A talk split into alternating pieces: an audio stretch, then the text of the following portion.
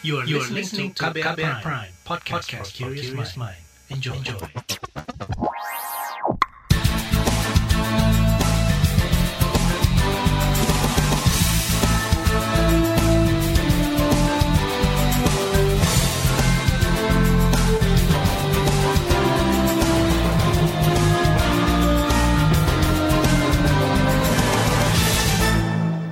Halo saudara, senang sekali kami bisa menyapa Anda kembali dalam program KBR Sore, edisi Kamis 25 Februari 2021. Saya Sindu Darmawan kembali menemani Anda selama kurang lebih 30 menit ke depan. Saudara pemerintah terus melanjutkan program vaksinasi bagi petugas pelayanan publik. Hari ini, giliran pekerja media yang divaksin.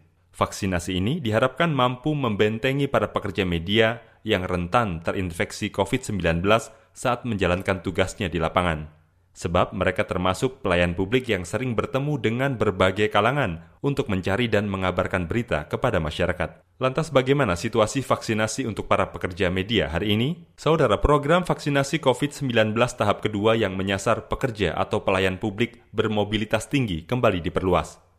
Setelah sebelumnya menyasar pedagang pasar, lanjut usia, dan tenaga kependidikan, kali ini vaksinasi tahap kedua diberikan kepada awak media. Vaksinasi bagi awak media dimulai di DKI Jakarta, yakni berlokasi di Hall A Basketball, Kompleks Stadion Gelora Bung Karno, GBK, Senayan, Jakarta Pusat. Kuota vaksinasi COVID-19 bagi awak media hari ini disediakan untuk 5.500 peserta. Pendataan vaksinasi COVID-19 dikoordinir Dewan Pers atau DP. Vaksinasi ini diberikan bagi seluruh awak media yang bekerja di redaksi pemberitaan lantaran menjadi orang bermobilitas tinggi yang bertemu halayak maupun narasumber di lapangan. Seluruh awak media peserta vaksinasi yang hadir mengikuti protokol kesehatan 3M, menjaga jarak, mencuci tangan, dan memakai masker. Antrean di setiap titik pemeriksaan pun terlihat cukup rapi dan sesuai dengan aturan jaga jarak. Seluruh awak media yang hadir mayoritas mengenakan pakaian bebas namun tetap rapi. Mereka juga mengenakan tanda pengenal atau ID pers dari masing-masing media tempat bernaung. Susunan kursi tempat duduk diatur sedemikian rupa sesuai jarak lebih dari satu meter. Selain itu, titik penyanitasi tangan atau hand sanitizer juga disiapkan setiap 5 meter. Proses verifikasi pendataan vaksinasi tidak terlampau lama, hanya saja peserta yang hadir harus bersabar lantaran antrean proses vaksinasi cukup lama. Sementara itu, sekira pukul 9 lebih 15 waktu Indonesia Barat, Presiden Joko Widodo Jokowi hadir langsung ke lokasi meninjau alur proses vaksinasi COVID-19. Jokowi hadir didampingi Menteri Kesehatan Budi Gunadi Sadikin, Menteri Komunikasi dan Informatika Johnny G. Plate, dan Ketua Dewan Pers Muhammad Nuh. Mengenakan kemeja putih dan bawahan celana hitam, Jokowi lantas berjalan masuk menyapa antrean awak media yang duduk di kursi. Selain itu, Jokowi juga meninjau langsung proses penyuntikan vaksin di dalam hall. Sesuai dengan yang saya sampaikan pada saat Hari Pers Nasional, bahwa kita ingin mendahulukan insan pers untuk divaksinasi dan Alhamdulillah pada pagi hari ini sudah dimulai untuk 5.500 awak media yang prosesnya tadi saya lihat semuanya berjalan dengan lancar, berjalan baik dan kita harapkan ini memberikan perlindungan kepada awak media terutama yang berada di lapangan yang sering berinteraksi dengan publik, sering berinteraksi dengan narasumber dan ini memberikan perlindungan yang baik bagi insan pers yang pagi hari ini telah dilakukan vaksinasi. Kita berharap ini akan berjalan di provinsi-provinsi yang lain sehingga seluruh awak media yang seluruh insan pers yang berada di tanah air semuanya segera mendapatkan vaksinasi. Itu tadi Presiden Joko Widodo. Saudara, pada bagian berikutnya kita akan simak laporan khas KBR bertajuk Pengalaman Jurnalis di Vaksin COVID-19. Simak laporannya usai jeda. Tetaplah di KBR Sore.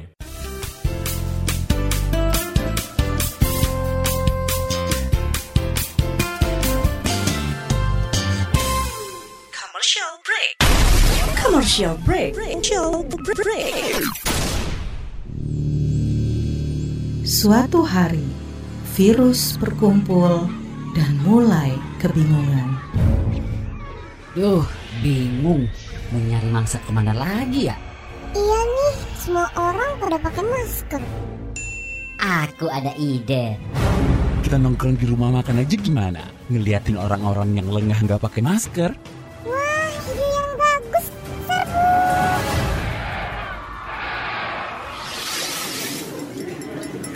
Hati-hati makan bersama saat pandemi. Sebaiknya pilih ruang terbuka, tetap jaga jarak kamu 1,5 meter jika duduk bersebelahan, 2 meter jika berhadapan. Batasi waktu makan bersama 30 menit saja dan jangan berbicara saat makan. Jika sudah selesai, gunakan kembali maskermu ya. Jangan sampai lengah, COVID masih ada. COVID masih ada. Pesan layanan masyarakat ini adalah kampanye bersama media lawan COVID-19.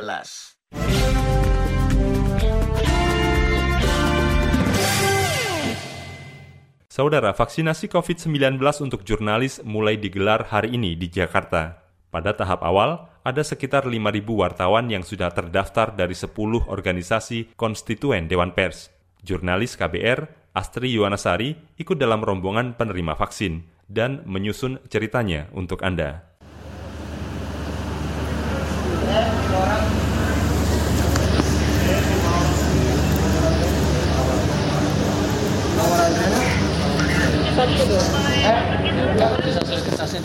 Pukul 7.30 pagi, Hall Basket Senayan di Gelora Bung Karno, Jakarta dipenuhi ratusan jurnalis dari berbagai media.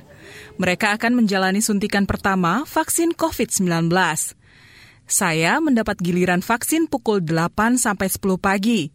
Meski antrean cukup banyak, namun prosesnya berjalan cukup tertib dengan menerapkan protokol kesehatan. Tak sampai satu jam, saya berada di meja pengecekan kesehatan. Seorang petugas berbaju APD lengkap memeriksa tekanan darah dan menanyakan beberapa hal terkait riwayat penyakit dan kondisi kesehatan saya satu bulan ke belakang. Ada riwayat sakit sebelumnya nggak? Darah tinggi, sakit gula, infeksi rahim, sakit TBC, nggak ada ya? Ada riwayat sakit dirawat dalam satu bulan terakhir? Tidak. Minum obat rutin? tidak, Nggak ada. Lagi hamil? enggak. Nggak ya.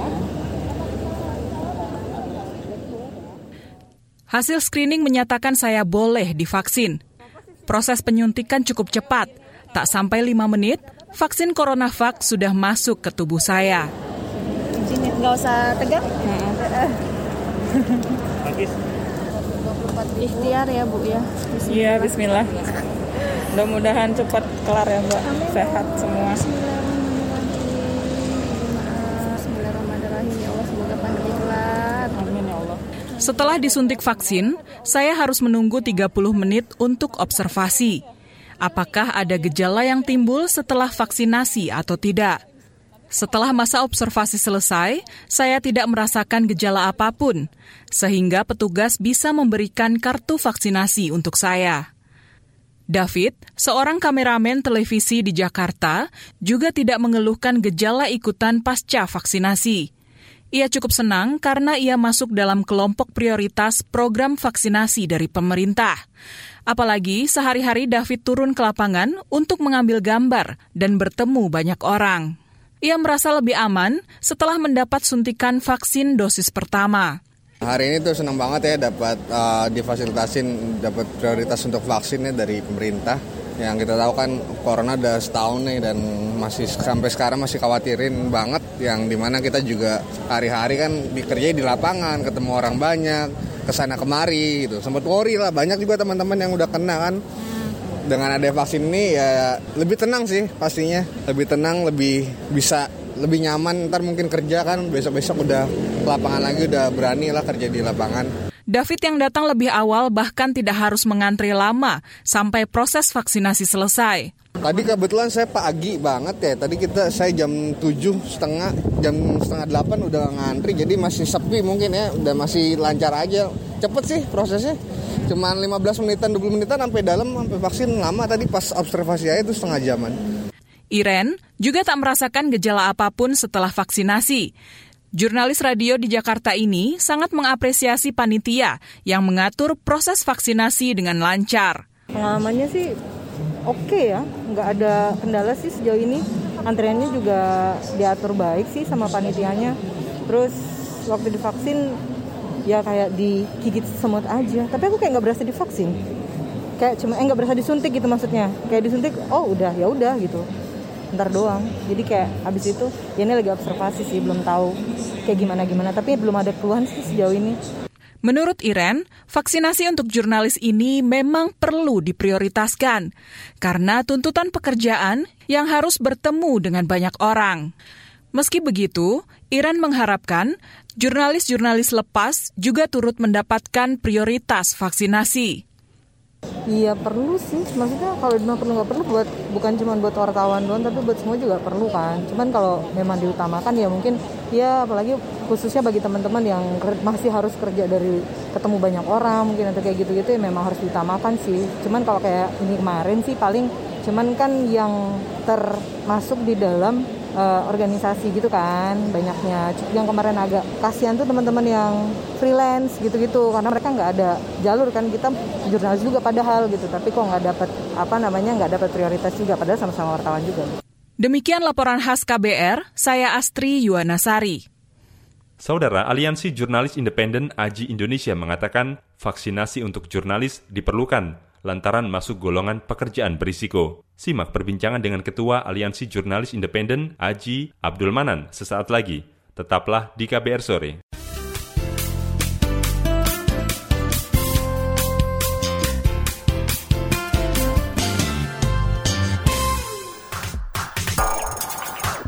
You're listening to KBR Pride, podcast for curious mind. Enjoy!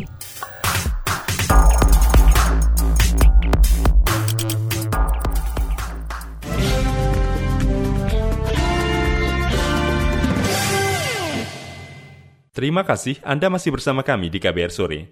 Saudara, Aliansi Jurnalis Independen AJI menilai vaksinasi COVID-19 untuk wartawan perlu lantaran masuk dalam pekerjaan berisiko. Namun, Aji menyadari dari segi urgensi, prioritas utama adalah tenaga kesehatan. Aji juga mengingatkan pemerintah untuk meningkatkan sosialisasi vaksin COVID-19, terutama manfaat vaksinasi. Berikut perbincangan jurnalis KBR Heru Haitami bersama Ketua Umum Aliansi Jurnalis Independen Aji Abdul Manan. Hari ini jurnalis menerima vaksin COVID-19. Bagaimana Aji melihat ini?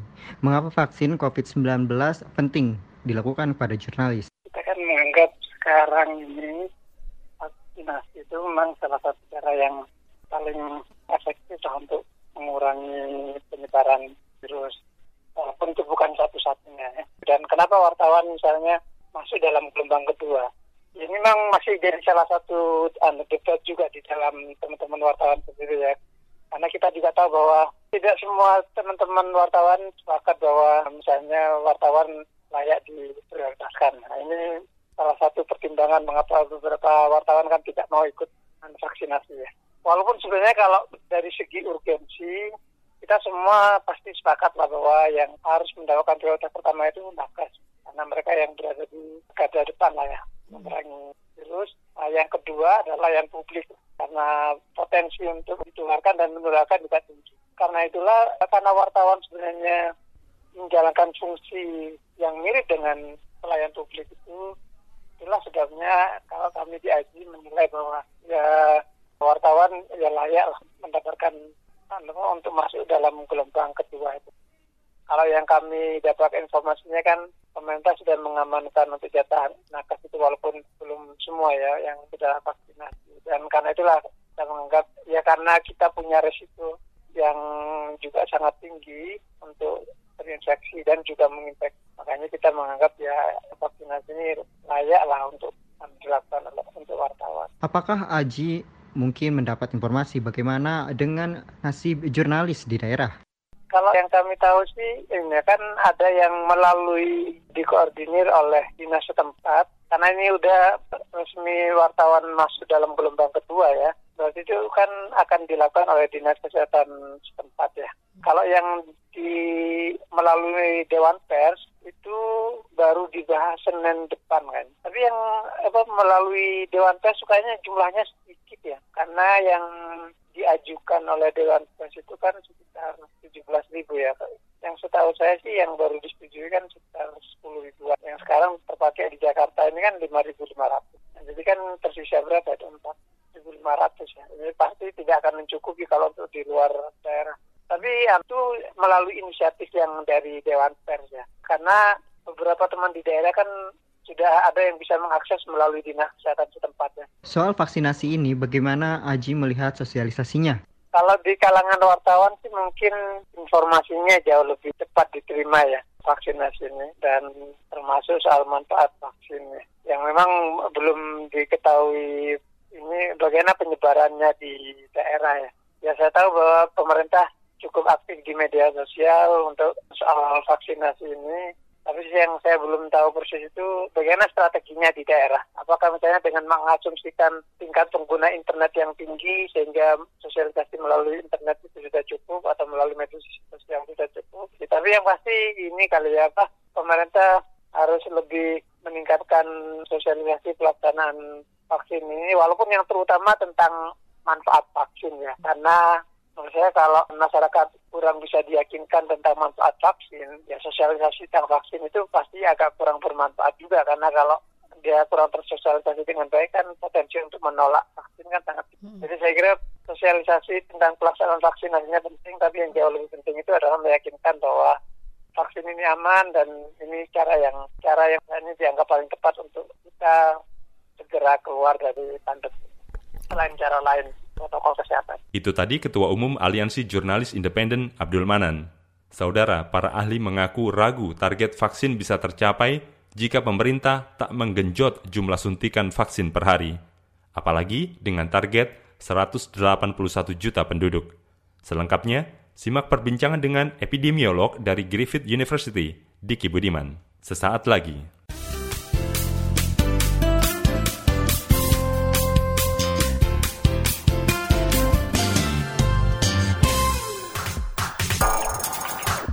You're listening to KBR Pride, podcast for curious mind. Enjoy!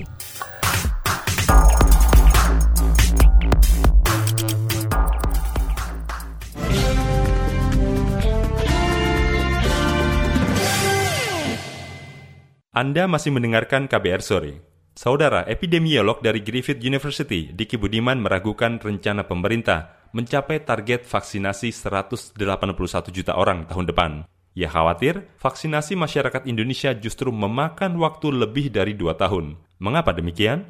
Berikut wawancara jurnalis KBR Siti Sadida dengan epidemiolog dari Griffith University, Diki Budiman. Bagaimana Bapak melihat progres vaksinasi di Indonesia saat ini? Misalnya, hari ini ada tambahan sekitar 5.500 peserta vaksinasi dari jurnalis di Jakarta. Apakah ini berdampak baik pada target pemerintah?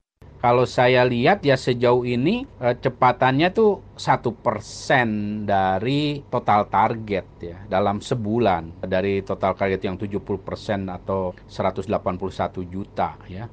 Yang artinya kalau ini tetap tidak ditingkatkan ya kita akan perlu lebih dari 2-3 tahun ya untuk mencapai target itu. Apalagi ini kita akan masuk di populasi atau target yang lebih umum yang tentu tantangannya lebih besar ya karena dari sisi distribusi, dari sisi penerima ini akan sangat-sangat bervariasi. Kita lihat dari sisi sasaran yang kesehatan pun walaupun tidak terlalu banyak tapi masih menyisakan ya ada kurang lebih 100 ribuan yang belum tervaksinasi entah karena alasan kondisi kesehatan dan lain-lain. Nah, ini tentu harus terus diupayakan ditargetkan. Apa yang perlu diperhatikan pemerintah untuk mencapai target 181 juta orang yang divaksin? Mungkin bisa diceritakan juga kendala-kendala selama vaksinasi? Dalam kaitan strategi pencapaian target, kita harus realistis dalam artian bahwa semua pihak harus menyadari bahwa kendala yang bisa timbul dalam pencapaian target itu sebagai bagaimana juga yang saya ingatkan dari awal-awal adanya program vaksinasi ini adalah pertama supply dari vaksin itu sendiri yang juga sangat jelas itu di luar kendali kendali kita ya karena bukan kita yang memproduksi ya dan itu sangat jelas akan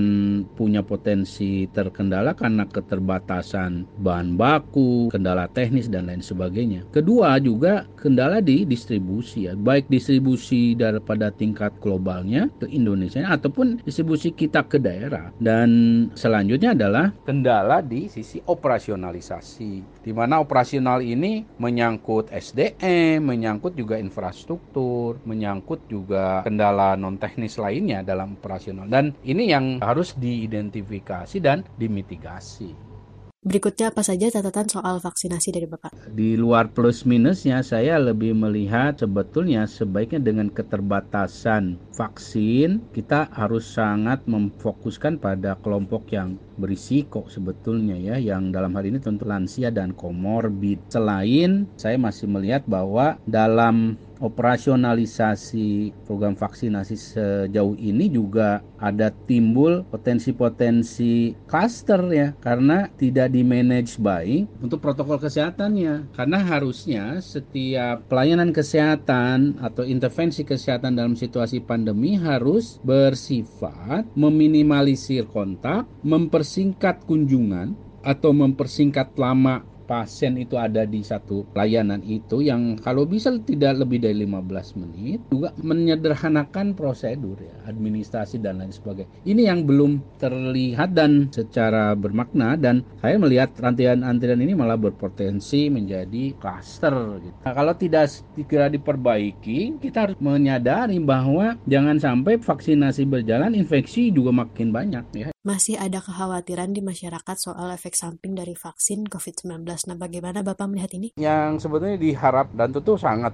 penting ya. Studi yang di Inggris Israel ini membuktikan ada potensi yang artinya efikasi dalam memutus transmisi terlihat dan ini yang harus juga dilakukan untuk setiap vaksin termasuk Sinovac. Dilihat seberapa besar persentase atau dampak dia dalam mengurangi atau mencegah transmisi. Karena itulah yang kita perlukan dalam rangka meraih atau menuju pada herd immunity. Kalau tidak ada data, kita akan selalu dalam asumsi-asumsi yang lemah gitu. Ketika misalnya di 50 persenan efikasi memutus atau mencegah transmisinya, itu yang divaksin bisa hampir 90 persenan lebih ke atas. Nah ini tentu jadi ada konsekuensi yang yang akan didapat atau terjadi. Sehingga sekali lagi itulah pentingnya ada riset berjalan ketika vaksinasi dilakukan. Termasuk juga pentingnya ada diversifikasi vaksin. Itu tadi epidemiolog dari Griffith University Diki Budiman.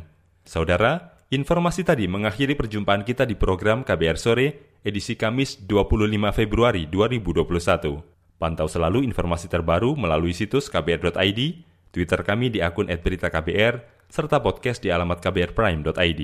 Jangan lupa untuk tetap mematuhi protokol kesehatan dengan 3M, memakai masker, menjaga jarak, dan rajin mencuci tangan dengan sabun. Saya Sindu Darmawan bersama tim yang bertugas undur diri. Salam.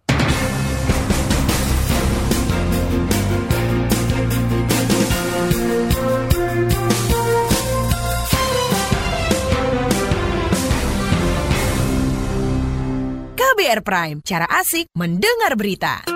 KBR Prime, podcast for curious mind.